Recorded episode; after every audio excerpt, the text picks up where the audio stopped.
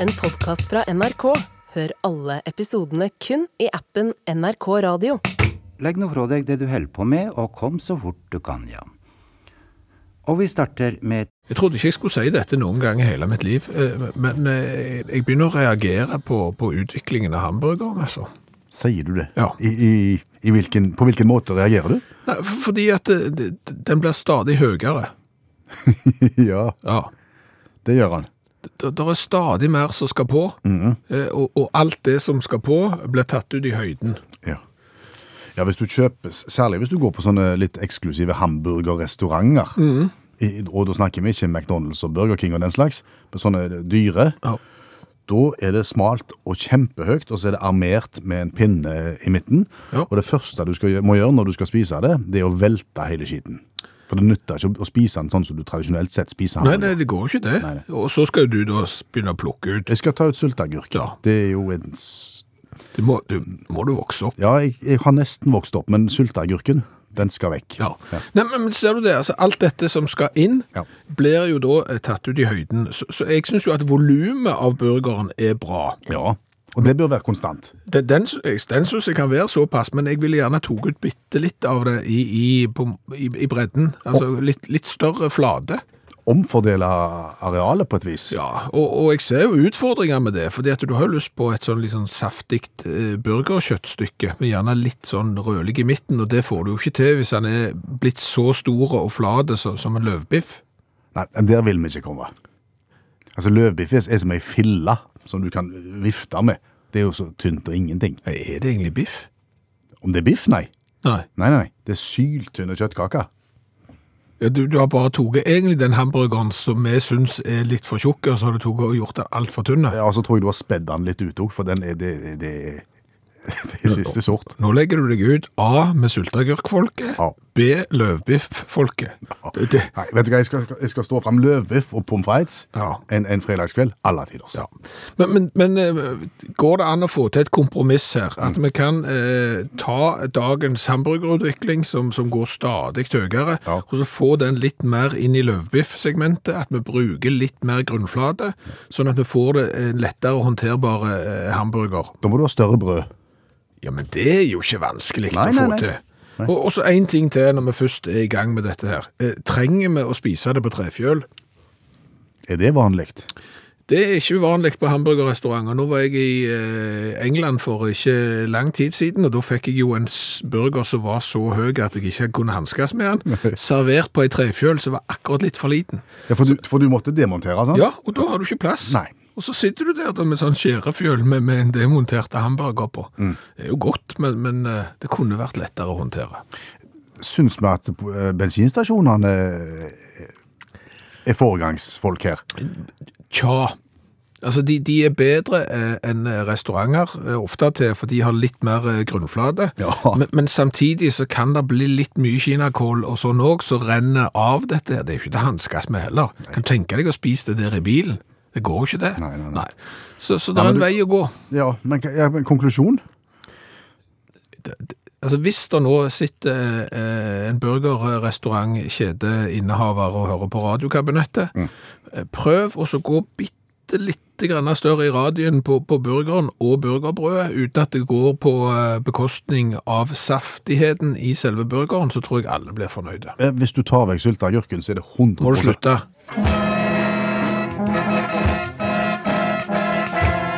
Hva er det som er HMS-ens verste fiende? Det er improvisasjon. Det er improvisasjon, ja. Ja. Så du må tenke igjennom alle tenkelige scenarioer. Hva er det som kan gå galt her, og så må du være føre var. Ja. Har, du, har du svikta? Det er vel ting som tyder på det, ja. Eh, For hvis vi spoler ei en liten uke tilbake inn til tirsdag, så skulle eh, det ene laget som jeg er med og, og trener på fotballen, eh, det skulle da spille toppkamp mot Moi, og da er det Ålgård mot Moi i eh, 17-årsklassen, 4. divisjon. Det er toppkampen sin. Det er toppkampen. Eh, Så tenkte vi liksom for å få skikkelig svung og toppkampfølelsen og litt sånn Champions League-greier, så, så ja, vi booker hovedbanen, det er greit, vi åpner kiosk, det gjør vi. Vi må selvfølgelig ha spiker. det må vi ha.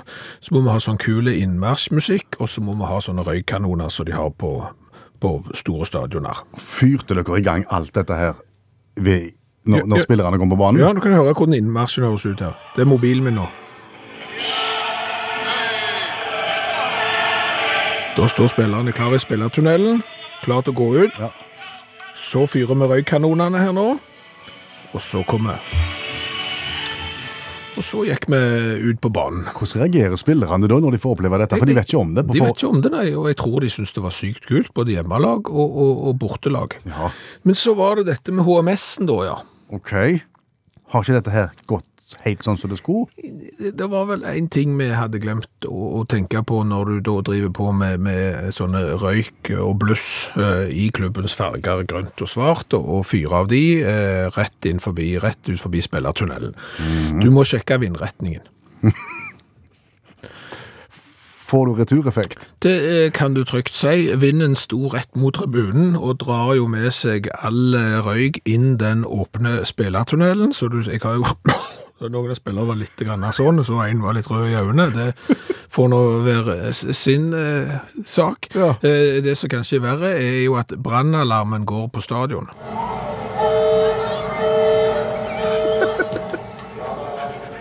Har dere, har dere kommet i gang med kampen? Nei, rett før avspark nå. Sant? Dommeren står med spillerne på midtbanen, og så begynner liksom brannalarmen å gå. Og det er jo sånn moderne brannalarm òg nå, ikke sånn som vi hadde når vi gikk på skolen. Så nå er det jo sånn stemme som sier 'brannalarmen er utløst', sant? Ja. Forlat bygningen og, og, og greier. Og da må jo trenerapparatet og sånn må jo begynne å ringe til brannvesenet og si at dere trenger ikke rykke ut og sånn. Ja, har dere funnet hvorfor? Det har vi funnet, ja. Det er ingen tvil om hvorfor brannalarmen har gått. Jeg er helt sikker på at ja, helt bomsikker på. Men så får du ikke skrudd den av. Å oh, nei. For det er sånn skap A, eh, så du må låse opp. Eh, da må du finne nøkkelen. Det er jo den ene tingen, og da står den der dyd, dyd, dommeren blåser i gang kampen, dyd 40. Ok, Så kampen går mens brannalarmen uler? Ja, og, og, stemmen sier 'brannalarmen er utløst'. sant? Vennligst forlat bygningen og sånn, og søk sikker grunn og alt det. Og så fant vi nøkkelen, og brrr, fortsatte å pipe. Og så er du ingen i stand til å resette den der. til brannvesenet, 'hva skal jeg trykke på for noe her?' Og det står og piper og sånn, mens eh, Helt til pause, eller? Nei, det, det gikk eh, Det ble spilt fotball noen minutter med brannalarm i bakgrunnen, ja. Så eh, Lærte du noe av dette? Jeg tror vi skal ta oss og flytte de der blussa litt vekk fra spillertunnelene hvis det er feil vindretninger. Mm. Kan kanskje være lurt å egentlig flytte den over på andre sida av banen for å være helt, helt eh, bombesikker. Men alle syntes det var en kjekk kamp, og det fikk jo enda mer å snakke om når, når brannalarmen eh, gikk. ble jo oppslag i la- lokalaviser og greier. sant? Så her er ingenting så galt så at det ikke er godt for noe. Og så har vi snakket om eh, hamburgere i dette radioprogrammet for noen minutter eh, siden, og verden er jo liten. Verden er blitt en global arena. Hva var det for noe? Ja, men det er jo det. Ja, ok. Eh, fordi at eh, Tor Gunnar, eh, han hører på utakt i United States of the USA. Sitter akkurat nå og hører på. Ja, eh, sitter faktisk på Bobby Vance, det er sånn eh, restaurantkjede, på flyplassen JFK. Og han har akkurat, forteller han, eh, spist en hamburger som sikkert var 15 cm høy. Det er mye. Ja, og da må du bruke kniv og, og gaffel for å partere en kjempe sånn som det. Så, så igjen, aktualisering av kan vi få litt mer eh, areal, ikke alt ut i høyden. Det må vel eh, være en ganske rett beskrivelse å si at det var en litt betutta allmennlærer med to vekttall i musikk eh, som kom eh, til sending i dag. Det kan vi si. Det hadde ikke blitt helt sånn som han hadde planlagt. Nei, for han skulle på Gammalostfestival i helga i sitt eh, kjære Vik i Sogn, eh, men av eh, fare for snø i høyden på fjelloverganger og bare sommerdekk på bil, så ble den turen da utsatt. Eller ikke utsatt engang, for du kan ikke utsette det når det er en festival, men det ble ikke noe av. Nei.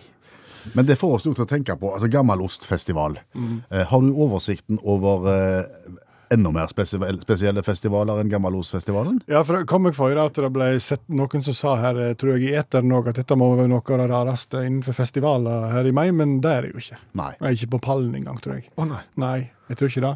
Uh, og har sett litt på det, og i, i Cornwall uh, nå forrige helg, så ble Follmat uh, makkelokkemesterskapet gjennomført. Det er en festival da, som eh, Det sier seg vel sjøl hva det er for noe. Jeg, jeg, jeg forsto ingenting av dette. Hva- Makkelokkefestival? Ja. At en lokker på makk? Lokker på makk. Ehm, det har pågått i så mange år, da, og det er jo en slags konkurranse. da. Ikke en slags konkurranse, det er en konkurranse. Der du får tildelt to kvadrat... Det er lag, da. Du får tildelt to kvadratmeter med, med jord, og så skal du da lokke makken opp. Og de som lokker mest makk opp, vinner. Hva lokker du med? Nei, altså, makken kommer jo opp av jorda, dette vet jeg kanskje når, når en hører vibrasjonen fra regnet. Ja, og så imiterer fuglen dette her da, med å pikke, eller så det heter, eller hva heter det, heter, ja, bruker nebbet sitt. Ja. Imitert regn, så kommer makken opp, og så kan de ete den. da. Mennesket har vist seg har helt andre metoder. Og det, det blir framvist på det her flotte makke, makkelokkemesterskapet. da. Ehm, det er blitt brukt både de, når de er inne på den to kvadratmeteren og hvert lag, og så prøver de med sine metoder å få opp makken. da. Og, og både tuba, vuvuzela, didgeridoo, tverrfløyta, sekkepipa og trekkspill ble brukt, så det er jo mye instrument inni bildet her. Ehm, og dam, ei dame som fikk ærefull eh, omtale for hun, hun tromma med, tromma med skoen sin samtidig som hun amma barnet sitt. For da skulle liksom på, få ja, ja, det er nå greit nok. Ulovlig med digitale hjelpemiddel. Ja. Men så lenge du har trekkspill, så trenger du ikke å forsterke. tenker jeg, sånne ting da. Men, men det var også og mange, mange liksom sånn, ja, diktlesing òg var en av de. Kostymer, brevskriving, masse sånne ting. Utagerende dans, bønn og sang, da. Eh, Men jeg stilte opp 100 lag, da. Og vinnerlaget klarte å få opp 20 stykk på 30 minutter. Oi. Det er ganske bra. Ja, det er nesten én makk i minuttet. Hva brukte de? Eh, Diktlesing, eller? De brukte basstrommer og et assortiment av hageredskap. Um, ja. Men de fikk opp 260 makk til sammen da, på disse 100 lagene. Det er ganske bra. Eh, spesielt, ja, det sto mellom De her som brukte assorterte hageredskapene, de, var, de som kom på andreplass, de brukte sånne pappmasjé-fugleføtter, da de imiterte fuglen sine. Ja, det er ikke noe, i fjor, Dette var en ny rekord. I fjor fikk de opp én makk, de 100 lagene. Da hadde det vært tørkeperiode, og det er mistanke om at det var noen som hadde nytemedbrakt makk, for å si det sånn. Så var det også, ja, De som vant, fikk jo premie, da, men de får òg premie for mest kreative lokkemetode. Og da, da, der er nivået skyhøyt, da. Og de som vant, var ei gruppe middelaldrende damer fra London som hadde fotformsko med innfelt vibrator og tannkosttupp. og hadde Titanic-passasjerkostymer. Mens de deklamerte makklokkende poesi. Det er kreativt, altså. Er. Men du, eh, du sier dette er en, en mer spesiell festival enn Gammelostfestivalen. For meg høres det mer ut som et idrettsarrangement. Ja, det er sant, men det er resten av helgen da, så er det makkerelaterte workshops. Og hvem kan strikke lengst makk-konkurranse, da. Ja. da. Så det, det, okay, det, det er makken i høysetet. Ja, det er mer spesielt enn Gammelåsfestivalen. Eh, Allmennlærer med to vekttall i musikk, Olav Hove, du blir sittende, for du har flere eksempler på festivaler som er galnere enn Gammelostfestivalen. Ja da. Kommer tilbake til det. Og, og jeg bare kom på noe i forbindelse med at allmennlæreren nevnte sekkepipa. Ja. Kunne vi bare hørt lyden av han som knakk den ene pipa på sekkepipa når han skulle lede opp bruden og, i midtgangen der på bryllup? Det er, det er en fantastisk film på YouTube. Den funker med- som lyd òg. Vi tar bitte litt lyd av den, gjør vi ikke det? Jo.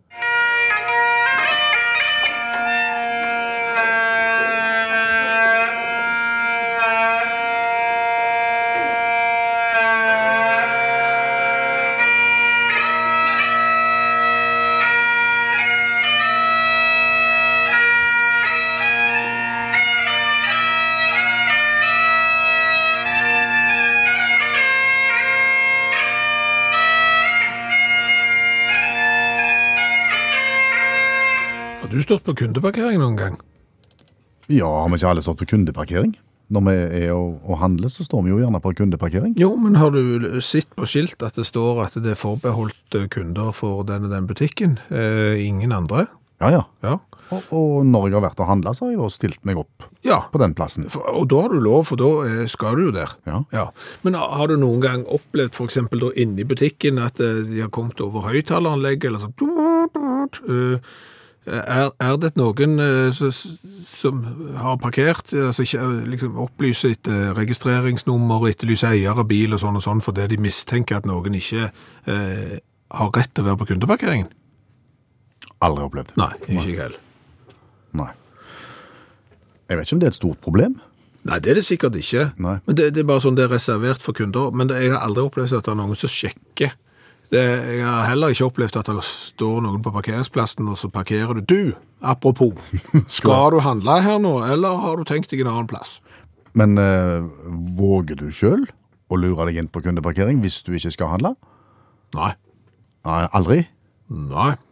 Ja, Nå, nå dro du litt på det. Nei, nei, 17. mai. Ok, ikke, Ja, men til- men er, til- er det ikke amnesti på 17. mai? Ja, men altså, til og med da så, så kjente jeg litt på det, for, fordi det var en så stor plass med kundeparkering, eh, og det er jo kundeparkering, så tenkte jeg, men, da, men du har jo ikke åpent på 17. mai. Nei. Så da tenker jeg, da må det være greit. Men på den kundeparkeringen igjen, så var det noen skilt igjen, som det sto reservert på. De eh, tørte jeg ikke stå på. Reservert hos et bilnummer? Ja, nei, ja, altså bare så reservert til liksom et eller annet. Oh, ja. så, og da der tørte jeg ikke til og med på 17. mai. Nei, når du har de der eh, reservert hele døgnet, står det, kundeparkering hele døgnet, Mm. Ja. da er jeg litt sånn når jeg kom i åtte-halv ni-tida på kvelden, Mm. og butikken stengte sju, Ja. da står jeg. Da, såpass, så, såpass gal er jeg. Ja, men da, da står du, ja. Men, men da er det, jo, det er jo et veldig godt signal på at du ikke er kunde. Så hvis det er noen da som hadde for, fått det for seg at dette skulle vi for en gangs skyld sjekke, sjekke, butikken stengte åtte, og der står kvinneslagen klokka ti, så er jo ikke du inne og handler, Nei. eh, for å si det sånn. Så, så da, men litt usikker på hvem som håndhever det også. Ja. Altså, jeg er jo vettaskremte for alle disse herne parkeringsvaktene for, som representerer sånne parkeringsselskap som vi knapt kan navnet på, så du må ha en app for hvert eneste parkeringsselskap, og så laster du den ned, og så viste det seg at du hadde trykt feil områdekode, så du hadde parkert i nabogata, og så måtte du på... Og så skal du ha tak i kundeservice. Ja. Det var, Det- så gikk den uka. Ja, da tør jeg jo ikke parkere engang. Altså, da er jeg så re- vettaskremte for å, å betale feil at jeg parkerer ikke der, men, men akkurat forbi eh, butikk så vet jeg ikke helt hvem som håndhever det. Jeg har aldri opplevd at noen har blitt tauet vekk heller, fordi de ikke var inne og handla på Rema. Det er en ting jeg har lurt på. Ja. Akkurat der begynte jeg å angre litt på at jeg har lurt på det, fordi at hvis vi det, det, Dette radioprogrammet ble plutselig en, veldig gammelt nå. At vi framstår som, som mye eldre enn vi er. Ja, men, men, men det er nylig jeg lurte på det, altså. Fordi at det- med ujevne mellomrom, hvis du skrur på NRK på TV, så, så kommer du inn på Filmavisen. Ja. Sant? Og, og da får du gjerne en stemme sånn som det her. På Sverresborg, der mange sikkert så en bøylehest for første gang, og til og med norgesmester i den. Alf Storhaug fra Klepp. ja. Og, og det var en eh, filmavis, jeg husker ikke helt hva årstall det var, eh, så satt jeg og så den, så han som snakket litt sånn, sant? Ja. Og så eh, gikk det en liten stund, så, så kom jeg inn på en ny filmavis, og det var beviselig fra et helt annet år enn den første filmavisen jeg, jeg har eh, sett, og det hørtes sånn ut.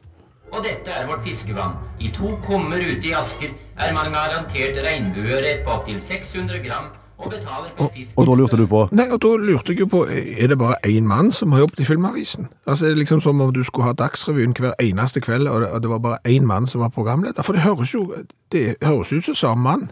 Høres kliss likt ut. Ja. De snakker på samme måten, og så snakker de akkurat som de snakker bitte litt for fort. Har jeg lurt på. Ja, men det tror jeg jeg har den tekniske forklaringen på. Ja. Fordi at dette er film, og, og film er jo, det er jo ett og ett bilde litt i fulle fart. Så, blir det, så ser det ut som det er levende bilder. Ja. Du har sittet med sånn og så tegnet sånn på et hjørne i en papir, sant? og så, så ser det ut som du liksom beveger seg. Sånn virker jo film. Og så er det litt færre bilder per sekund eh, på film enn på TV. Så når de da skal konvertere de der gamle filmavisene over til TV, så går de bitte litt fortere.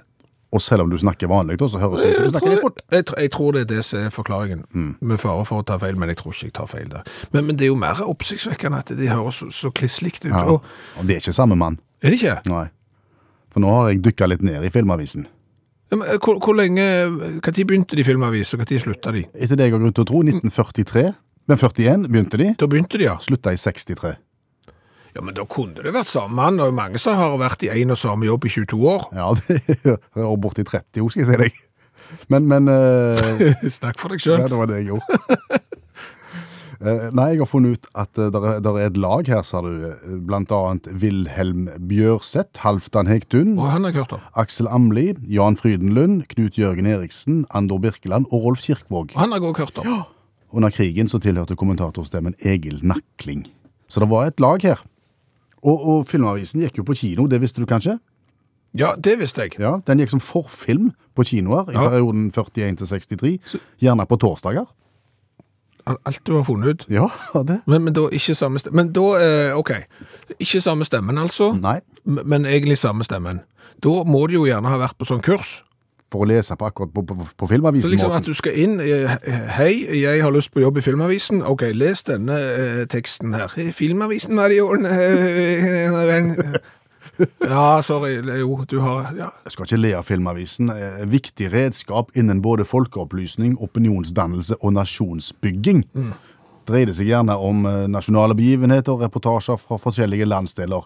Praktiske råd om hushold og hygiene, folkeliv, natur, konge og fedreland, men også modernisering og framskritt. Ja, Nå syns jeg du hadde satt deg litt vel godt inn i det, for nå, nå ble du nesten forelska i Filmavisen, hørte jeg. Jeg er det, for her kommer slutten. Okay. Filmavisen ble i 2012 innlemmet i Kulturarvregisteret i Norges dokumentarv, et register over noen av de viktigste dokumentene i norsk historie. Ja. Vi var så opptatt av stemmen i eh, Filmavisen at vi fikk ikke helt med oss innholdet i det som ble sagt. Nei, skal vi gjenta litt av det som ble sagt da, kanskje? Ja. Og dette er vårt fiskevann. I to kummer ute i Asker er man garantert regnbueørret på opptil 600 gram og betaler per fisk etter størrelsen. 3000 ørret hentes hver uke med tankvogner fra Danmark. Stang og ti mark leies ut på stedet, og fiske kan drive selv i Laksko, så det er bare å stoppe bilen der ute på Drammensveien og fiske seg til dansk ørret fra Asker. I lakksko? ja. Men er det fisking? Nei, altså, gjenta det det som han sa her. Med sånn Nei, du trenger ikke Nei, ha sånn trenger ikke ta sånn stemme. Hver uke så henta de da 3000 eh, ørret i Danmark med tankbil. Mhm. Kjørte de til Asker og, og heiv de i et vann. Og så leide de ut fiskestang og mark. Og, og så kunne du stå i lakksko på siden av og, og være garantert eh, fisk. Ja. eh, og, og betalt etter størrelse. Ja, litt feige lag, på en måte. Nei, ikke det selvplukk? Er ikke det som å, egentlig å dra på, eh, på rådyrjakt, og så står rådyret bundet fast i tre-fire meter eh, vekke fra deg? Det der er jo selvplukk. Altså, jeg vet at de gjør det i USA, men i USA gjør de så mye dumt. Gjør det i USA? Ja, jeg, altså, jeg kjenner folk som har vært i USA, og, Ja. og de ble spurt i Los Angeles-området om de ville være med på fisketur. Mm. Ja, det ville de selvfølgelig. Og da ble de utstyrt med sånn fiskevest og vadebukser og redningsvest og slukeske og kniv og alt som hører med, og hatt. Og hatt, Og hatt ja. Ja. Og kjørte av gårde langt opp i fjellene. Eh, og så ble de da frakta ut på et sånt anlegg hvor det var sånne mærer med fisk. Altså Det er så mye fisk at du, du, du ser ikke bånd for fisk. Og det skulle du hive ut? Det skulle du hive ut i sluken, og du, og du fikk napp. Det kan jeg si. Tenk å være den eneste som ikke fikk fisk på en sånn fisketur. Ja, da, det siste. Nei, det der, det der er ikke fisking. Nei, det er ikke det. Men, men det er kanskje derfor. Jeg har ikke hørt om det etter denne filmavisen heller, at det på en måte har spredt seg og blitt en, en farsott i Asker og andre plasser i Norge, så, så ikke vet jeg. Men om ikke det minner bitte litt om sånn som du gjør på 17. mai, eller i, i bursdager og sånn. Og sånn, ja. Sånn fiske... Ja, sånn eh, at du har eh, et forheng, Ja. eh, og så kommer du en fiskestang med en krok eller en magnet på, bare legg den over kanten, og så er det noen som hekter på på, på andre sida. så er du nødt til å vinne. Vinner alltid. Alle vinner. Altså, for, altså det er en som får en sko, og det er kjempegøy. Og så får han godtepose etterpå. Å ja, sånn ja. ja. det har, kjenner ikke jeg til. men men du, du nevnte liksom at det utstyret de hadde med seg i USA når de var og fiska i merder, Ja. vadebuksa, det syns jeg er så sykt tøft navn. For det er bare én bokstav ifra. Ja, og så er det så utrolig ulikt. Ja, altså bare, bare den V-en og B-en. Altså Med en gang du får på en V, så har du noe som går helt opp under armene, og som du kan stå og vasse i. Men har du B, så er det bare en liten stutte speedo. Helt utrolig. Ja.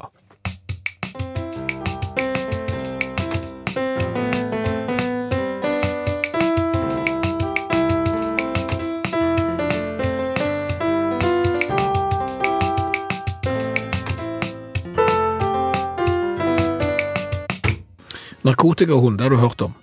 Hun som finner narkotika, ja. Ja. Eh, det er sikkert andre. Hund, andre dyr. Ja, eh, det har jeg ikke satt meg inn i, eh, men vi har tydeligvis ikke fått med oss eh, stort eh, narkotikadyr-nyhet fra i år. Nei. Det har gått oss hus forbi. fordi at eh, 16. februar i år eh, så kom nyheten om at en politigruppe som jobbet mot eh, narkotika i det sørvestlige Kina, hadde klart å trene opp ekorn. Narkotikaekorn. Narkotikaekorn, ja. Spennende. Hvordan jobber de? De eh, jobber litt som narkotikahunder, men, men de eh, mente jo da at eh, fordelen med narkotikaekorn Ja. er at de er mye mindre og kan komme til steder som narkotikahund ikke kan. Eh, så, så derfor er narkotikaekorn en veldig god kandidat til jobben. Eh, eh, Bruker de de på flyplasser? Altså Foreløpig er de ikke satt helt ut i tjeneste. Nei. Eh, det er de Du kommer i ankomsthallene der, og det der vaser små ekorn rundt og snuser på deg. Jo, men enda mer spennende, fordi at når du kommer på flyplassen, eh, hvis de har hund, så har de jo han i bånd. Ja. Og se for deg det hvis du kommer der til London Heathrow eller noe sånt, så står der to eh, voksne tollere der, eller politi her, med narkotikaekorn I bånd? I, bånd. Da, da hadde du syntes det var eh, og, og liksom, ja, det er jeg som er ekornføreren her. Det høres ut som du speider, vet du. At du er med i en patrulje. Men, men det de da skal ha eh, klart å få til Ja. For jeg var litt usikker på eh, hvordan eh, ekornet ga beskjed om at han hadde funnet narkotikum. Ja. Om det var sånn voff, sant? for det er det jo ikke. Nei. De bjeffer jo ikke. Jeg vet ikke hva lyd de lager, ekorn. Eh, men, men de eh, skal visstnok da klø seg. Altså begynne å klø Bak øra, når de liksom. opp, oppdager et uh, ulovlig stoff. Oh, ja. Og, og det er jo klart det er litt grann dumt da, hvis du da kommer med fly fra Australia til Beijing, blir møtt av narkotikaekornet som har fått eksem, Ja. og klør på overalt hele dagen, og de må inn alle sammen og, og bli kroppsvisitert i alle kroppsåpninger som finnes, Ja. av et litt uheldig ekorn. Vet vi hvor ekornet klør seg når de oppdager narkotika? Nei, eh, men vi kan jo se for oss et par plasser. Ja. Men eh, vi vet ikke. Nei. det er litt grann usikkert. Og det er òg veldig eh, usikkert tid eh, de skal inn i tjeneste. Det skal gjennomføres flere øvelser før de på en måte går inn i aktiv tjeneste med narkotikaekorn. Tror du det blir tunge søking til den avdelingen? Altså, jeg vil tro at hundefører og narkotikahundefører, som du sier, Ja. det er populært. Det er litt, det er litt barskt å være der. Ja, det er nok det. Og så har du vel ansvar for hunden 24 timer i døgnet. Jeg, jeg tror det. Ja, men jeg tror det, det er din hund. Og det er klart at du litt stusslig å bli satt i narkotikaekornpatruljen, og så kommer ja, vi må bare gå tur med ekornet først før vi legger oss, fordi at ja. Ja, nei. Det er gøy. Hallo, ja. Hallais, Klingsheim! Hei, Stavanger-smurfen. Stavanger-kameratene go, go, go skal trege deg igjen. Du! Ja, Nå må du høre godt etter. ok. Jeg har en god idé. Nå igjen. Ja, jeg var ute og kjørte, eh, kajakken og meg. Var ute og kjørte bil på, på fredag da før pinsen. Ja vel. Eh, Vi skulle til Danmark. Ok. Så kjører vi på E39, og der var det jo noen som hadde mista hjul på en tilhenger. Ja vel. Så gikk det seint der. Ja, det ble kø av det, ja. Ja, ja, og så kjørte vi videre. Så var det en som hadde fått motorstopp på et sånt et høyt punkt. Da ble det råkø. Så ble det råkø, så gikk det ei stund der. Før en klarte å kjøre inn i rumpa på en annen. Oi sann. Og de ble stående. Var det alvorlig? Nei, Nei. det var ikke alvorlig. Det, det var ikke noe sånn alvorlig personskade. Det var en dunk i rumpa på den andre bilen, og de sto og de sto og de sto. Og for å si det sånn, vi sto og vi sto og vi sto, vi òg. For de sperra det feltet som dere skulle kjøre i? Da står det sånne voksne, vet du, sant? Sånn som har på både sertifikat og sånn, så står de og vinker forbi sånn i ett felt. Og så vil det jo ingen ende ta på den travleste utferdsdagen som nesten så fins, den der pinsen, vet du. Ja, sant. Og dermed så nådde ikke kajakken og meg båten til Danmark. Åh, og det gikk ferien fløyten? Ja, Det går jo flere båter da, Klingsheim. Det må til og med du vite. Jeg heter Kvinnesland. Ja, Samme kan det være, men det går flere båter. Men vi kom ganske mye seinere av gårde, ja. Hva var dere skulle i Danmark? Det kan jeg ikke si. Hvorfor ikke det? Nei, for vi skulle til Danmark. Jeg trenger ikke fortelle deg hva vi skal i Danmark. Er det noe kontroversielt, siden du ikke kan si det? Vi skulle bare hente noe. Vi skulle ikke kjøpe noe, for krona i Danmark er så sykt dyr at det, vi skulle ikke det. Vi skulle ikke kjøpe noen ting. Vi skulle bare hente noe som er bestilt og levert til Danmark, fordi at Danmark er et EU-land, og det er ikke Norge. Jeg kan ikke si mer! Nei. Men da sporer du meg av fra den gode ideen. Er det du eller kajakken som har bestilt den tingen til Danmark? Det er en sak mellom kajakken og meg. Ok. Det er voldsomt som du maser! Det er jo dette som er spennende. Skulle tro du var journalist. Ja, jo takk, du. Men, men spurte jeg deg om Hadde du en idé, sa du? Ja, jeg har jo en idé. Til Ha, har du sett eh, på sånn Formel 1-løp? biler som kjører full og full fart rundt en bane? Ja. Ja, av og til. Og, og da er det jo sånn at hvis de kommer borti hverandre og liksom eh, får en kollisjon, Ja. så er de jo på plass med sånn heisekran, vet du, og folk, og så får de jo på trynet og ræva av veien før de omtrent har kollidert. Det går fort. Det går fort, Sykt fort. og så er de klare igjen til å kjøre. Ja. Jeg vil ha noe av det samme på de travleste veiene i Norge. Sånne team som kan rykke ut dersom noen er borti hverandre. Jeg ser for meg på en måte et sånn et borgervernaktig system. Oi. Oi! Ja, det klinger ikke godt. Altså, Finn et bedre navn du, da, hvis du sitter på fasiten. Jeg trenger iallfall på en måte litt sånn speidere, da. Speidere, ja. Altså frivillige, så folkehjelp. Altså folk som har utstyr Ja. til å fjerne da, eh, biler på kort varsel langs en strekning. Så melder du deg, for eksempel. Jeg har eh, traktor med eh, heisekran på, eller noe sånt, og jeg bor der og der og der. sant? Så da har vi et system. Sånn at OK, nå skjedde det der. Da ringer vi til han med den der eh, gravemaskinen, eller da ringer vi til han med traktoren, eller den der. Så trenger han ti minutter, så får han den der bilen på trynet og rød og vekk derfra. Men hva skal du gjøre oppi dette her? Det er jo mitt selskap, Klingsheim. Kvindesland? Ja, Samme kan det være. Jeg er på en måte speiderleder i det der systemet der. Ok. Sånn at hvis noen ringer til meg og så sier at på det og det punktet, så ser jo jeg på kartet mitt sånn, og så der har jeg jo en hel bataljon som kan rykke ut. Så, så bare kontakter jeg de, så rykker de ut. Så får de litt betalt av meg, og så får jeg litt mer betalt av uh, myndigheten, eller hvem det er nå som skal betale for at vi får de der uh, bilistene på trynet og røde av veien. Men det er du som er alarmtelefonen, på en måte? Jeg er alarmtelefonen. Yours truly, go, go, go. Please uh, state your name and your business. Jeg ser for meg at dette kan gå interkommunalt òg. Etter hvert. Ser ikke vekk fra det. Ja, der ser du. Men det er jo ofte sånn at politiet skal på stedet og, og sikre bevis og, og den slags. Du kan ikke rydde før, før politiet har vært der. Hvis det er alvorlige personskader og sånn, så ser jeg at det kanskje politiet må være på plass. Men ellers er det jo bare klatt. Det er jo bare en eller annen løk som har sittet på mobiltelefonen og som ikke har sett at bilen foran har, har eh, stoppet. Ja. Så ringer vi bare til det best, første og beste på lista der. Heiser han vekk, så tjener han 1000 kroner, og så kommer vi oss fram sånn at vi kommer oss til Danmark tidsnok til å nå den båten vi skal. For å hente Ja, det er voldsomt så du maste hva vi skulle i Danmark. Jeg skulle aldri fortalt deg at vi skulle til Danmark. Vi skulle til Danmark for å kjøpe bacon. OK, Er det greit? det er greit, det. Ja, det er gysla dyrt med bacon i Danmark nå. Så vi kjøpte ikke mye. Nei. OK. Fikk du hente det du skulle? Nei, nå må du slutte opp. Nei, OK. Ja, Greit. Snakkes. OK, ha det. Ha det. Vi har jo tidligere i dette radioprogrammet konstatert at det er noen tegn eh, som tyder på at eh, nå begynner jeg å bli gammel. Godt voksen. Eh, Det er jo for eksempel når du skal bade, så vil du først eh, slå litt eh, vatten opp på overarmene ved- med hjelp av motsatt hånd, Ja. eh, for deretter å rygge ute i vannet.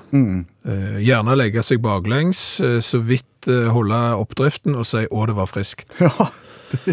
selv om det er iskaldt. Baklengs eh, Altså rygg, baderygging.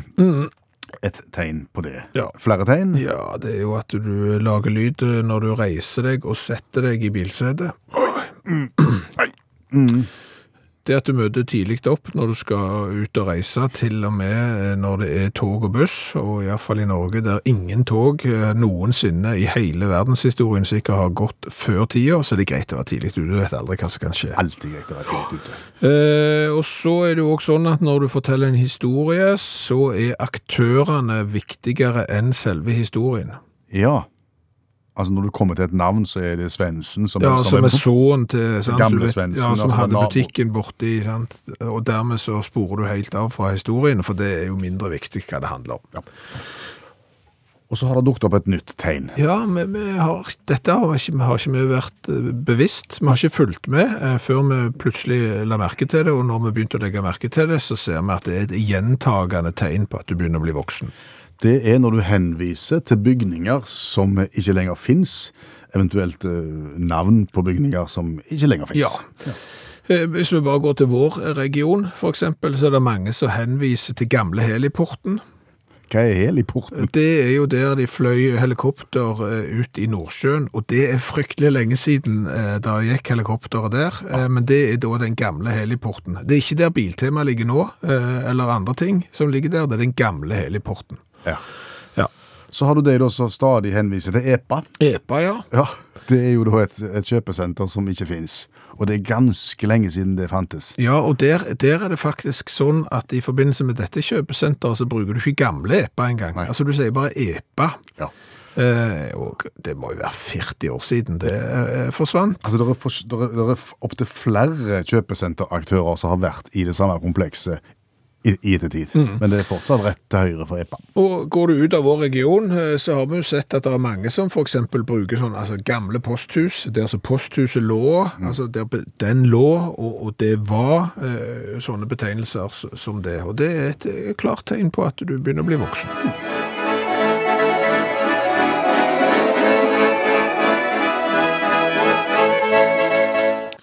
I første time av Utakt i kveld så eh, lærte vi vel det at Gammelostfestivalen i Vik i Sogn eh, ikke når de spesielle festivalene til kne nå engang. Eh, Drar vi til England, så var det for en uke siden lokking av Mack-festival, altså der du står og prøver å få Macken opp av bakken med ulik redskap. Det var du, allmennlærer med to vekttall i musikk, Olav Hov, som fortalte oss om, om uh, Makkelokkefestivalen. Og da kom til oss for øre at du har flere festivaler som du vil fortelle om. Ja, vi skal til Kyle i Texas, byen Kyle. Der har de sånn, det, er en fest, det er blitt en festival, men det er egentlig et årlig verdensrekordforsøk som de aldri helt klarer å få til. Og det er å samle flest mulig mennesker med samme fornavn på samme plass. Ok. Og i og med at byen heter Kyle, så har valget falt på guttenavnet Kyle. Og så ah, det det. Ja, Akkurat. Jeg har vært mye til for hvis det var John. Ja. Ja. Eller Anders. Kunne vært mye vanskeligere. Eh, Kyle er et navn som hadde sin storhetstid på 90-tallet. Da var de på 68.-plass i 1990 over de mest populære navnene i, England, i USA, og nå er de 350 ca. Så det er ikke så lett å få til, da. Men, men de har planlagt dette her, eh, de planlegger det over tid. Det er hvis når, når det ene rekordforsøket er ferdig, og de ikke har fått det til, så bare planlegger de neste. Og Men det er det er hele veien Kyle de går for. ja. Og de inviterer Kyla fra hele verden, eller? Ja. Det store episenteret for keiler er Texas, så det er det, er det fine med det. da. Sant? Ja. Så 60% av keilene som dukket opp, var fra Texas. Det, det må sies. Lokal Kyle. Ja, Er det lov å spørre, eh, hvem er det som har verdensrekorden da? Altså siden det ikke er Kyle. Det, det ble sett i, i Kypres i Bosnia i 2017, og da samla en 2325 Ivana. Bor sannsynligvis 2325 Ivana i den byen, men Og Kyle prøvde både før og etter, for å si det slik. Men, ja, ja, så det er noe, det er noe så, men, men, men det Og, og Guinness rekordbok, det, det tenker jeg er greit å ha sin årlige tur til Texas. Så de møter jo opp pliktskyldig og skal telle opp disse her Kylene. Eh, Og ikke lov å det, Du må bare hete Kyle. Du kan ikke hete noe mer. Kyle Øystein går ikke det? Nei, Kyle Kjell. Nei, det kan ikke. Eh, Nokså så eh, Kyle Andrew Phelan, som kommer fra Saskatchewan i Canada, han måtte da reise hjem med, med det, det er jo dritt å ha kjørt i 14 timer med bil. Så må du Nei, du får ikke være med, for du heter Andrew i tillegg. Så 32 stykk ble forvist, da. Av at de hadde to fornavn i år. Og, og to av ble kasta ut, for de hadde det til etternavn. Rett skal være rett, da. Eh, kom fra 49 av 50 stater, men 60 da kom fra Texas. Fire damer. Det heter Kyle. Det er ikke verst. Canada, Belgia, Finland og Peru var representert. da. Eh, konsert med en som heter Kyle Lovery, samme som en visstnok basketballspiller. Standup med Trevor Wallace. Han har jo sitt alter ego Kyle. Riktig. Helt. Ja da. hadde Margarita-konkurranse og knyttneve gjennom flest gipsplater-konkurranse da for Kylene. Kjempekjekke festival, visstnok, og store høydepunkt er selvfølgelig når du skal telle opp så du får markert at du har satt verdensrekord. Husker det var 2325 Ivana. I år ble det 1490. Og ikke i nærheten engang. Nei, prøv igjen neste år. Ny festival. Ny festival. Fortsatt Kyle. Fortsatt Kyle. Alltid Kyle. Ja, never change a winning team. Takk skal du ha, Kyle Olav Hove. Allmennlærer med to vekttall i musikk. Jo mer skaring, jo verre er det. Nå må du slite med Norges styggeste dialekt to timer hver mandag. Eh, den er kanskje litt stygg. Utakt er et radioprogram med skarre-R. Hver mandag kveld 22 til midnatt NRK P1. Kan matematikk eh, brukes for å få folk til å høre mer på podkast? Aldri tenkt på det. Nei. Eh, Matematikk vet vi jo er relativt dårlig radio.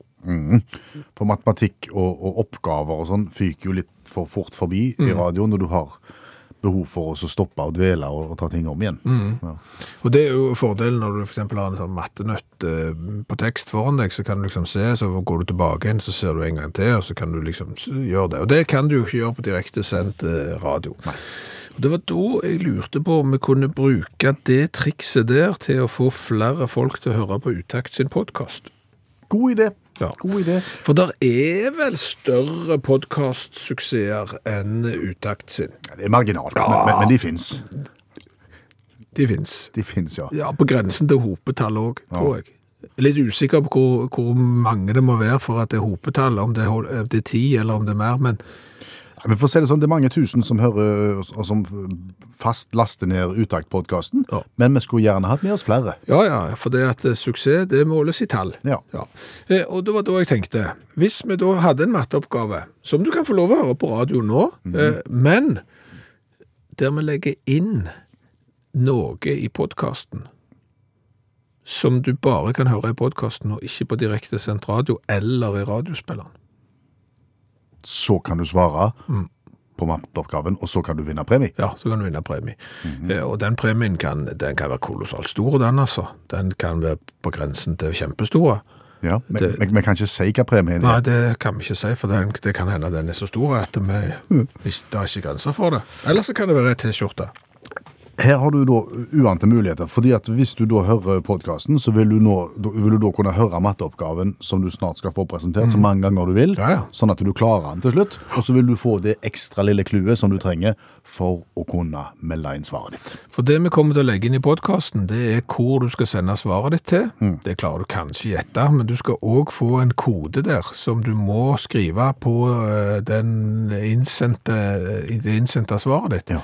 Og den kan du kun få i podkast. Og podkasten, Utakt-podkasten, den finner du i appen NRK Radio, og den blir publisert hver onsdag morgen. Så altså førstkommende onsdag så vil du da få podkasten fra dette programmet her med koden. Men nå har vi snakket så mye, nå må du ta oppgaven. Det var veldig, veldig, veldig mye. Det var overkant tydelig. Eh, Det her handler om gullmynter. Mm.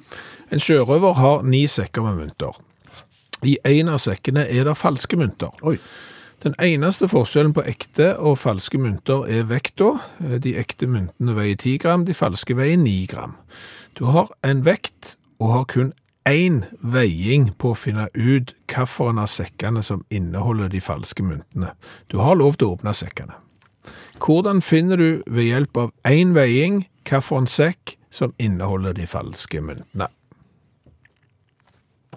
Hvor mange sekker var det, sa du? Nei, det får du ikke vite. Nå må du inn i podkasten og få med deg all informasjon. Ja.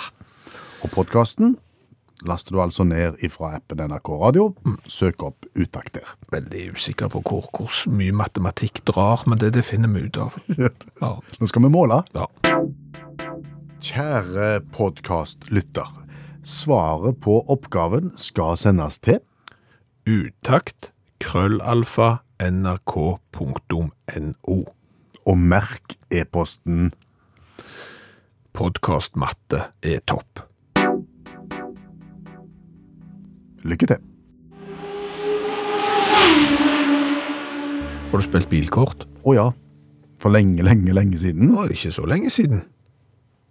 For min del så snakker vi nok 40 år siden. Ja, men altså, eh, ungene mine har spilt eh, bilkort, og, og det går an å kjøpe bilkort en dag i dag. Eh, Problemet, eller ikke problemet, det er jo ikke problemet, det er bare at de bilene på bilkortet i dag, de går mye fortere enn de bilkortene som vi hadde når vi hadde bilkort. Ja, for det var forskjellige sånn parametere så du kunne på en måte avgjøre om kortet var bra eller ikke. Det var liksom fire sylindere eller åtte sylindere. Ja, ja, men så håpte du eksempel at du skulle få deg en BMW M1 da, som gikk 300, nei, 260 km i timen, så gikk 0 til 100 på 5,6 sekunder. Hadde du da vært litt uheldig og fått en Buick eller noe, mm. eller en gammel Austin, eh, så fikk du jo bare satse på at han var tung nok til å slå ut eksempel sportsbilen som hadde flere sylindere og gikk mye fortere. Ja. Hvorfor bringer du inn bilkortene i dag, i 2023? Eh, Fordi at det ene parameteret der, 0 til 100 km i timen, Ja. det er jo en sånn en gjennomgående greie som blir brukt for å fortelle mye om bilen. Mm. Bilkort så brukte vi jo. Eh, De raskeste, de var jo kjempebiler, de likte vi. De bruker det jo i salgsargumentasjon en dag i dag. Ja, ja, de gjør så. Og, elbiler nå, så kan du kjøpe den og den versjonen der, og så får du 0 til 100 på den prisen. Nei, for, eh, på, på så og så mange sekunder. Så 0 til 100 er liksom, det er en sånn betegnelse på, som brukes mye. 100 til 0 brukes veldig lite. Andre veien, Ja, bremsing. ja. Nei, det har vi ikke hørt. Men altså, det blir brukt kanskje i forbindelse med, med dekkvalitet? Stopplengde og sånt? Ja, ja, kanskje litt sånn dekktest, eh, men, men det er klart, det er, jo, det er jo relativt viktig hvor fort stopper han òg. Ganske mye viktig. eh, Kanskje enda viktigere? Ja, så går 0 til 100 på 5,6 sekunder, men eh, stopper ikke før om eh, en mil eller to. Det er jo litt stusslig. Eller er det liksom bare 100 meter? Ok, så kommer det alltid et eller annet sånn kveruleringsministerium nå, sant, som skal si at ja, men det har med dekk å gjøre, og dekkunderlag og sånn. Men det, det har det òg når du akselererer. Så der òg kan du si at hvis du har de dekkene og det fører, så går han fra 0 til 100 fortere. Så her må det jo kunne gå an å finne en norm på det òg. Hva ville du hatt da som, som bra på stopping fra 100 til 0? Jeg har ikke peiling. Altså, det, det sant, for det er et begrep vi aldri har brukt. 100 til 0. Og så kommer, kommer sikkert kveruleringsministeriet igjen. Får vi sikkert snart en sånn en SMS hvis du kjører rett i en eh, murvegg, så er det 100 til 0 på ja, men Det er ikke sånn. Det er ikke sånn stopping eh, vi vil. Nei, jeg vet ikke. Jeg, ingen anelse hvorfor, hvor mange meter du trenger for å stoppe fra 100 til 0. Nei. Ser du det? Og dette er viktig informasjon. Så, så her vil vi bare, dette vil vi oppfordre bilprodusentene nå. 0 til 100 og 100 til 0. Skal du ringe bilkortprodusentene nå og så foreslå en ekstra kategori her? Det kan godt hende, faktisk. For noen uker siden så var vi innom Robert Tim og John Cook, som har eh, verdensrekorden i å være lengst i lufta i fly, fra hjula forlater bakken til hjula atter en gang er på. Hvor lenge var de i lufta? Sykt lenge. Ja, 64 dager, 22 timer og 19 minutter. det er lenge. Og for de som ikke har vært om bord i et sånt et Cessna-fly som de fløy, en 172, det bråker noe helt hinsides eh, sykt. Eh, Det skal du da leve med 64 dager, 22 timer og 19 minutter. Egil satt hjemme og, og hørte det programmet hvor vi snakket om flyturen, og kommer da tilbake med historien om verdens lengste biltur. Ja, Louis Matter, som kjørte sin 1947-modell. Dette gjorde han i, eh, på 50-tallet. Eh, som da er den som skal ha kjørt eh, lengst uten å stoppe. Oh. hvor kjørte han fra? Eh, Anchorage, da er vi i Alaska, til Mexico. Eh, han kjørte 10 171 km uten å stoppe. 1000 mil, og vel så det. Ja, altså det er jo langt. Ja. Men, men det føles jo, altså det, jeg synes det var litt kort til å være så langt, hvis du skjønner. Vet vi hvor lenge han kjørte? Nei, eh, jeg vet ikke hvor lang tid det tok. Eh, Det, har jeg, det er sikkert ikke vanskelig å finne ut. Men, eh, men, men sant, det er jo lettere å fylle på en bil med drivstoff i fart enn eksempel et fly. Ja.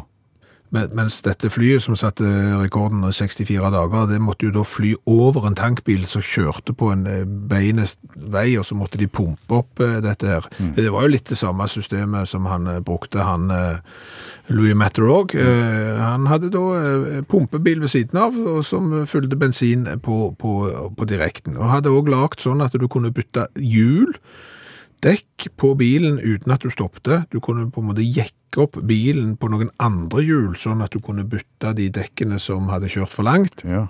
Eh, Det var jo eh, smart. Eh, Det jeg synes er det kjekkeste med, med bilturen hans, det er, eh, han bygde jo om denne bilen, og det tok mange år, og det var dyrt, det var det han klarte å dytte inni han.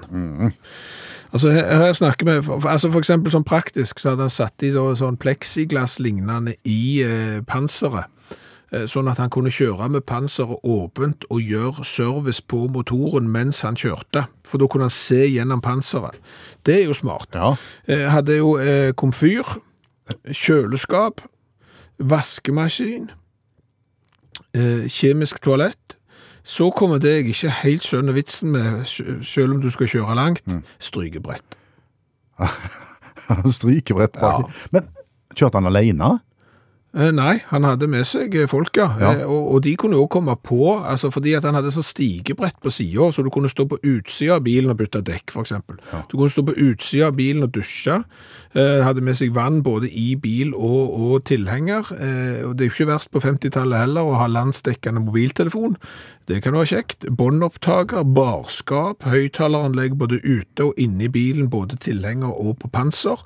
Eh, Så kommer vi til en, enda en ting som du lurer på. Trenger du det? Ja. Tyrkisk vannpipe. Det hadde han òg, ja. Det hadde han òg. Det er litt usikker på eh, hvorfor du trenger tyrkisk vannpipe og strykebrett når du skal kjøre langt. Jeg har sittet og regnet litt på det nå mens du har snakket. Jeg har bare tenkt på hvor lang tid han har brukt.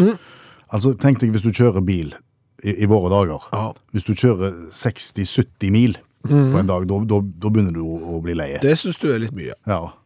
Så hvis du hadde kjørt 100 mil til dagen, Ja. så hadde han jo bare brukt ti dager på denne turen sin.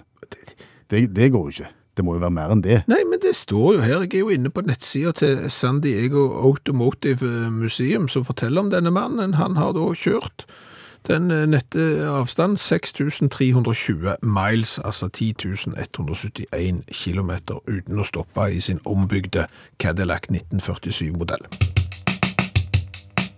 Nå har du vært i kjøleskapet igjen. Nå har jeg vært i kjøleskapet og henta cola, cola nummer 396, Oi, oi. som vi har fått av Tom Morten Hvor har han vært i verden? eh, i utlandet. Ja, verdens største land. Det er verdens eh, største land. Eh, Den colaen vi skal smake på, har vi smakt før i, ko, altså i sukkervariant. Å ja, så nå har vi fått diet? Nå har vi fått light-versjonen. Og den colaen vi sitter med her, det er Moneybag Diet Cola. Eh, Og det som er litt eh, kult med denne, er at i sin rørsukkerholdige variant, så ligger den på toppen av de 396 colaene som vi har testet. Det er den beste vi har smakt så langt. Det er den beste og tøffeste. Kombinasjonen av best og tøffest. Og Moneybag, det er da bassist i eh, Kiss, Gene Simmons sin cola. Han har eh, på en måte denne merkevaren, den eier han, Gene Simmons Company, og han eier sikkert all verdens slags merkevarer. Han har vel lagt alt eh, fra kondomer til oppvaskkost. Han evner å tjene penger på absolutt alt. Ja, og denne colaen har da Gene Simmons sin eh, signatur, både på kork og på etikett, og forskjellen fra den her han, som ikke inneholder sukker til den som inneholder sukker, er at logoene her er sølvgrå, mens logoene på den andre var gull. Og fortsatt så er jo flasker og logoer og design steintøft. Det er det. Det er en pengesekk med et dollartegn på på midten, med litt sånn eh, Keisers orkestra-dekor eh, rundt. Litt lenger oppe på flaskehalsen så er det sånn rock on-tegn med fingrene, eh, og den her er money-bagen, altså pengesekken. Glassflasker med sånn eh, kork som du må ha brusovner til. Yes, tror ikke det er sånn du skal skru... Nei, det er det. Det kjente jeg på fingrene. Det var ikke sånn du skal skru opp, nei. nei. Er ni klare? Jeg skal ta og legge ut et bilde i den Facebook-gruppa som heter Utakt for og av fans. Da skjønner dere sikkert at det er for og av fans. Nå er vi spent, for her er jo eh, forventningene enorme med tanke på hva tvillingbroren Vet du hva? begeistrer. Mm. Jeg ser at det er sånn gjenger på, så jeg kunne klart å skru den opp hvis jeg bare hadde hatt skikkelig tak. Å ja. Ok, den er ikke kålsvart. Den er litt mørk brun i fargen. Lukter cola. Lukter veldig cola. Og med smaken.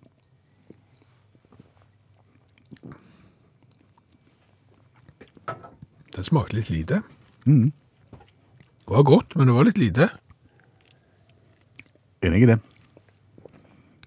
Hadde du fått bare litt mer av den smaken der, så er det helt strålende igjen. Du sitter igjen med en sånn liten sånn, var det ikke mer? Ja, litt, litt. Men det fører jo denne colaen inn i det som vi har som pøse-cola. Det vil si at den er Hvis det blir for søtt, så er det jo godt. Altså Det er godt med søtt, men det kan bli for søtt òg. Men, men da blir det jo fort sånn at hvis du murer nedpå store mengder, så blir du litt augen. Ja. Eh, Den her er sånn, her kunne du bare sittet og murt. Det kan du holde på en god stund. Men, men så var det da det var, det var for lite smak. Vi må trekke på det. Seks, sju, seks, sju. Ja, jeg tror jeg vil si seks. jeg. Ja, sju. Du sier det. Mm. Ja. Og så er det jo sånn, hvor kult er det? Det er jo for så vidt like kult som forrige gang, men samtidig så er det jo ikke like kult som forrige gang, for du gjør det jo på ny. Og så er det litt den der med, hvis du skal være den tøffeste i klassen, sant, så røyker du uten filter. Og da drikker du med sukker, er det du sier. ja, selv om jeg hadde jo kjøpt denne, fordi at det kan bli for mye sukker også, så jeg hadde jo kjøpt denne, men den andre er på en måte kulere for det, for det er på en måte Teddy uten filter. Ja, men den er tøff. Jeg gir han åtte i design. Ja, det gjør jeg òg. Da er vi på 16 der, og så er vi på 15 der, og det blir 31. Så det er jo en eh, særdeles eh, god poengsum til 6 pluss 7 er 13 i mitt hode. 6 pluss 7 er 13. Mm, pluss 16. Det er ikke 31. Nei. Det er 20, 29.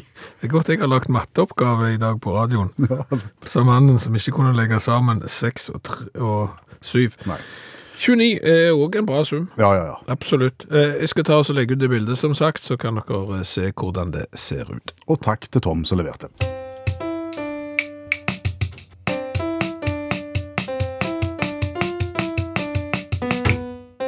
Vi har en teori om hvordan eh, bekledning endrer seg inn og ut av eh, sommeren. Vi skal dele den eh, teorien med deg nå. Ja, og, og han, er ikke, han er ikke uten hål. Teorien. Nei, altså, men, men jeg tror han er Han er, han er med unntak, mm. men han er overveiende sannsynlig. Han er interessant, vil jeg si. Ja, fordi at teorien er sånn at inn mot sommeren så tar du av deg oppe, og ut av sommeren så kler du på deg oppe, og av deg nede. Eller ikke for... Altså, du... Ja, mm, Vi skal være tydeligere ja. enn som så. Når det begynner å gå mot varmere tider, du kjenner at det er vår i lufta og og temperaturen er god, hvor begynner du å ta av deg da da? begynner du å ta deg oppe. Ja. det, og dette har jeg observert nå eh, nylig, både innenlands og utenlands faktisk, at folk tar av seg genser og jakke og går i t-skjorte og lange bukser. Yes. Og det gjør du da eh, helt til det blir skikkelig varmt. Da hiver du bukser òg, og så er det gjerne shorts. Da er det shorts og T-skjorte. Så begynner det å høstes bitte litt, og temperaturen nærmer seg nøyaktig den samme som det var på våren når det begynte å nærme seg sommeren. Ja. Men da kler du på deg oppe og beholder shortsen. Altså du går med shorts og eh, jakke-genser. ja. Før du til slutt må, må kapitulere og ha på lange bukser òg. Og det var det som var teorien, Ja, han var ikke, egentlig ikke lenger enn det. Men, men, men det er jo er jeg, jeg føler han er rett. Ja, men vi har sett det igjen og igjen, og temperaturen er nøyaktig den samme. Du er i overgangen mellom, mellom kjølig og, og, og varmt. Ja, altså du, du er på temperert, Ja. du er på temperert, men inn mot sommeren, lange bukser t-skjorte, eh, samme temperatur, ut av sommeren, da er det lange jumper og shorts. Og så kan du eventuelt, hvis du er eh, dypt uenig i denne teorien her, så er det jo bare å sende oss en melding og komme med egne teorier, men eh, vi synes våre er best. Ja. Men har vi grunner på hvorfor det er sånn? Nei, Kanskje vi skulle gjort det? det skal da grønne vi litt på det. Kommer ikke på noe. Det er så utrolig behagelig å gå i shorts. at Når du først har fått smaken på den, så har du ikke lyst til å hive. ja, så du mener at når det er på våren, så er det så lenge siden du har hatt shorts på deg at du har glemt hvordan det var? Ja, og når du først har fått den på deg, så er det bare topp. Ok. Da, jeg, tror, jeg tror vi er inne på noe der. Ja, ja, det kan godt være.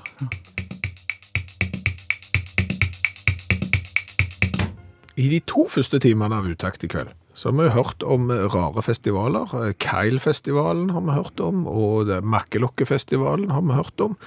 Men så er det jo sånn at det er ingen festival hvis det ikke kommer folk. Og, og det å dra på festival, det er jo kjekt, men det kan være et hardt liv òg. Allmennlærer med to vekttall i musikk, Olav Hove. Vet vi noe om det? Om at det går fint med alle som er på festivaler rundt omkring i verden? Ja, jeg tror det har gått fint nå i mai, iallfall. Ja. Jeg tror jeg hadde lite rapporter om at ting har gått gale. Klart, Hvor mye gale kan det gå på en makkelokkerkonkurranse? sant? Du kan få, ja, du kan få pollenallergi, et eller annet. Men, men eller det er én, da. Um, en, en mann ved navn Raje, Rajesh Vishvash.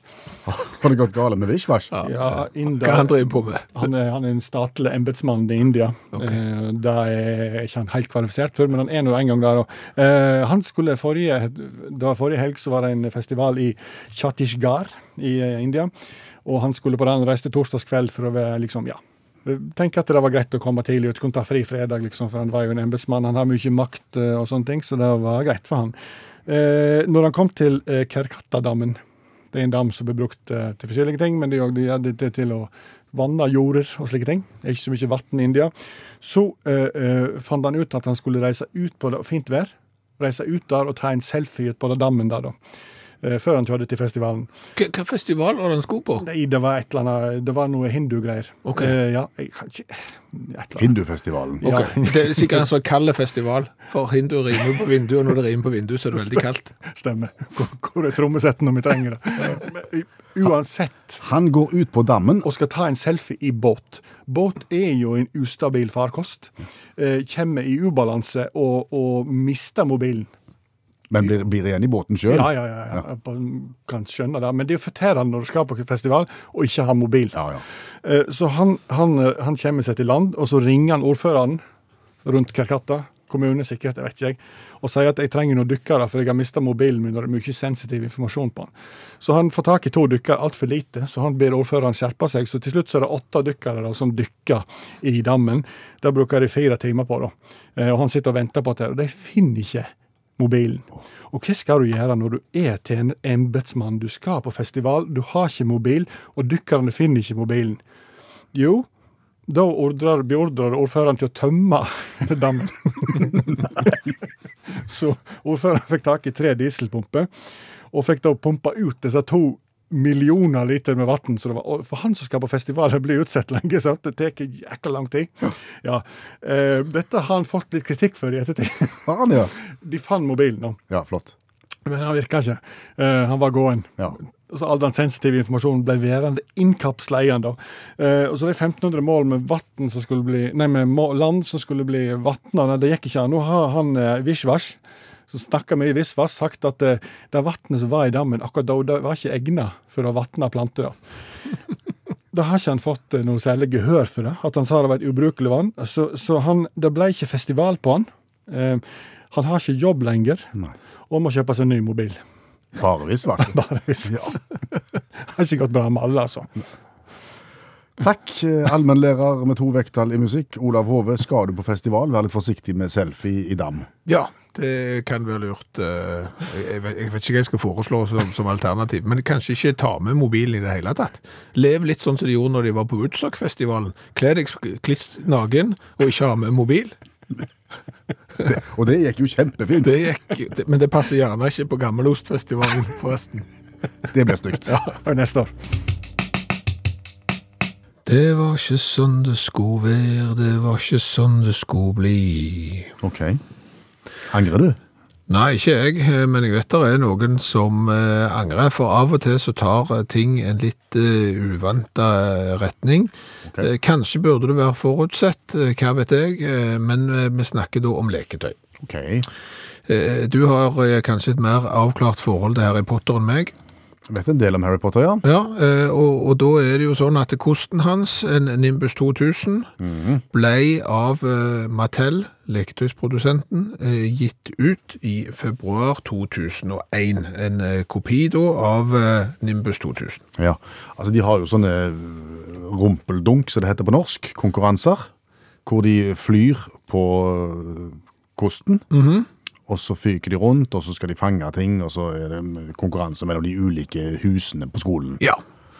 Eh, og for å gjøre denne eh, kosten litt eh, mer eh, interessant enn en bare å være en vanlig sånn en kost, som nesten kunne se ut som om det også kunne vært en sånn en hest, vet du, med bare sånn pinne, Ja, så eh, hadde de da lagt den eh, sånn at den vibrerte. nettopp. Da hadde du en vibrerende kost, ja. Ja. Lekekost, vibrerende Ja, jeg- lekekost, nå- nå tror- som barn da skulle sette mellom beina og fly rundt på. Og det gjorde barn. Eh, stadig eldre barn. Gjorde det. Eh, etter en stund så, så begynte jo eh, kommentarfeltet på eh, Amazon.com eksempel eh, å fylles opp av hvor populær denne leken var, spesielt blant litt eldre jenter. Ser du det? Likte de de rumpeldunk? De eh, likte nok mer enn vibrerende Nimbus 2000, eh, og foreldre òg syntes det var oppsiktsvekkende at eh, ja, eh, unge jenter eh, kunne finne på å låne eh, Nimbus 2000 av lillebror og, og leke med den veldig lenge, gjerne alene òg.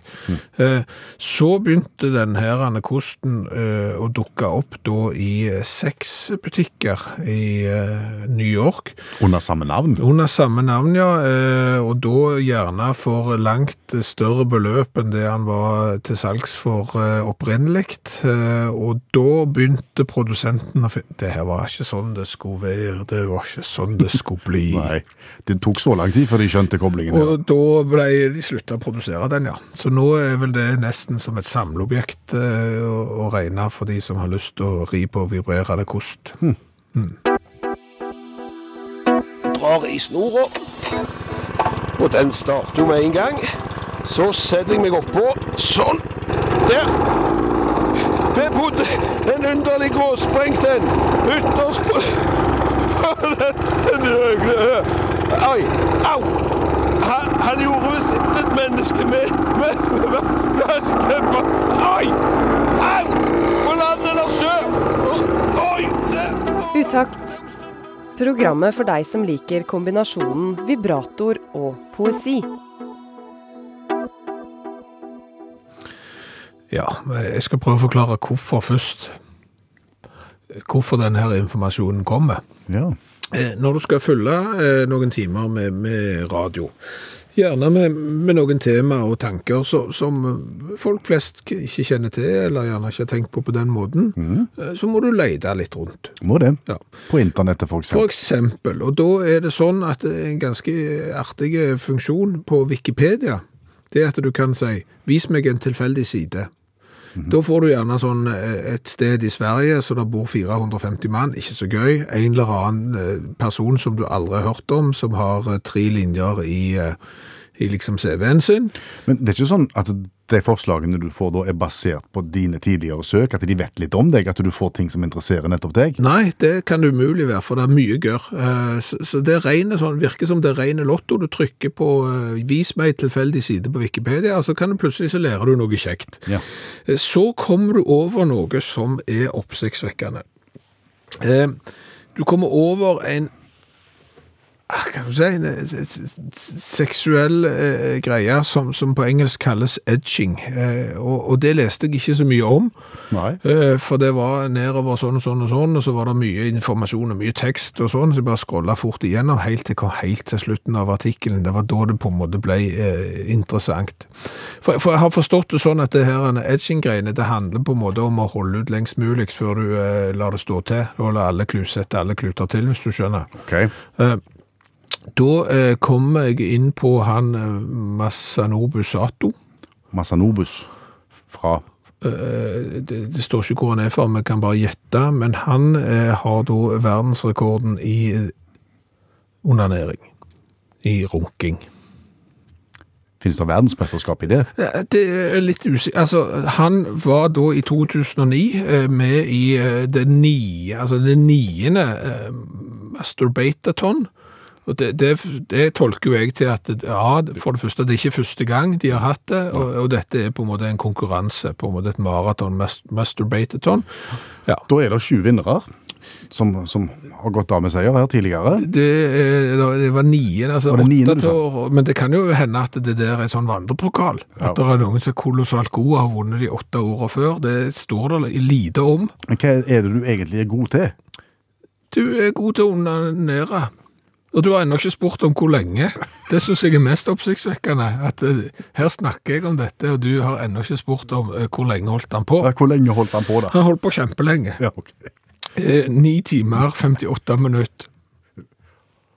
Ok, Ja, det er lenge. det er kjempelenge. Ja. Det, det, er, veld, det, det er veldig lenge. Ok, hva er det som markerer at det er over? Det er jeg heller ikke sikker på. Jeg, jeg har ikke funnet hvordan denne konkurren- konkurransen på en måte utføres.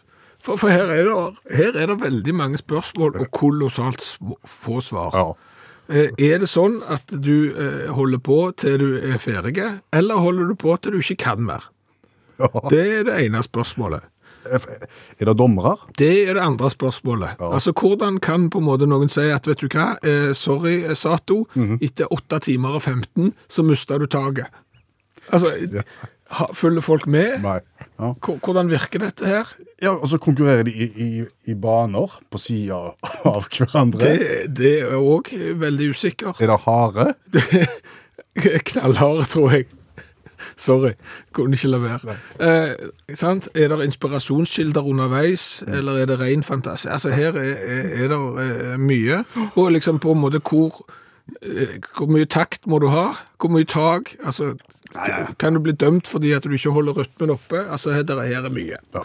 Men, og det sa artikkelen ingenting om? Nei, altså dette er bare de to siste setningene i denne eh, artikkelen, og det var på en måte de som var interessante. Eh, men eh, vi sitter igjen med kanskje enda flere spørsmål enn svar. Hvor er det mesterskapet avholdes? Det står der heller ikke, så jeg vet ikke om dette er sånn at du på en måte må søke, om det er en sånn at altså, liksom, ja, neste år så går eh, runkemaraton, går i Budapest, og alle møter opp i, nei, uff. Nei, nei.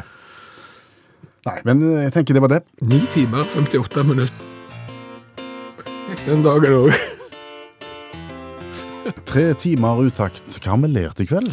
Ja, da har vi jo lært mye. Ja. Eh, Vi har jo lært at det er en skremmende mangel på å være villige til å lage burgerne større i diameter enn å bare vokse i høyden. Mm. De er plagsomt høye blitt. Og i dag har vi jo fått eh, høre fra en som satt i eh, USA og spiste burger og hørte på utakt faktisk mens vi snakket om det, som mente at burgeren han satt og spiste var 15 cm høy. Eh, Da har det båret galt av sted. Eh, Så har vi jo lært det at det kan være lurt å sjekke vindretning eh, hvis du skal fyre opp eh, sånne røykbluss, eh, fordi at det blåser det da rett inn i bygningen, så går brannalarmen. Ja. Det har vi lært. Så har vi lært litt om å parkere på kundeparkering. Du har lurt på om det er noen som overholder det, hvis at du parkerer på en kundeparkering uten å handle. Ja. Flere har meldt inn, eh, svaret er ja, Ja. både i inn- og utland. Vanker det bøter hvis du gjør det. Hørt at i utlandet så er det ingen helt anerkjenner det, den boten, så det er mange som ikke betaler, eksempel i England, fordi at hvem er det egentlig som kan håndheve dette? Eh, Så har jo jeg lært av deg at det var mange som var stemmen til Filmavisen, selv om de hørtes kliss like ut alle sammen. Så har vi lært at kineserne er et hestehode foran, eller et ekornhode eventuelt. Eh, De har da eh, trent opp ekorn til å finne narkotika. Ja, og ikke bare hund. Nei, eh, og det er fordi de er så små at de kan komme inn eh, forskjellige plasser. Vi har litt vanskelig for å se for oss hvordan dette kommer til å se ut hvis du eksempel går gjennom tollen og det står der en med, med narkotikaekorn i bånd. Det vil vi finne ut av. Det er flere tegn på eh, at du er blitt godt voksen og vel så det. De har vi jo vært igjennom i programmet før. Det er kommet et nytt punkt på lista i dag. Det er når du refererer til bygninger som ikke finnes lenger. Ja. Og fortelle at det ligger rett på siden av EPA. Ja. EPA forsvant for 40 år siden. Ja, eller det gamle posthuset, eller eh, noe annet. Det har vi òg lært. Og så har vi jo lært eh, til slutt at verdens lengste biltur, uten å stoppe, var på 10 171 km. Lenge, men ikke så lenge, egentlig. Langt, men ikke så langt.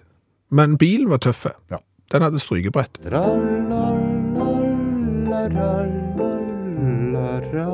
Jaha, det var ikke mer. Sett nå kaffekjelen over og slapp av, og kos deg litt. Takk for nå.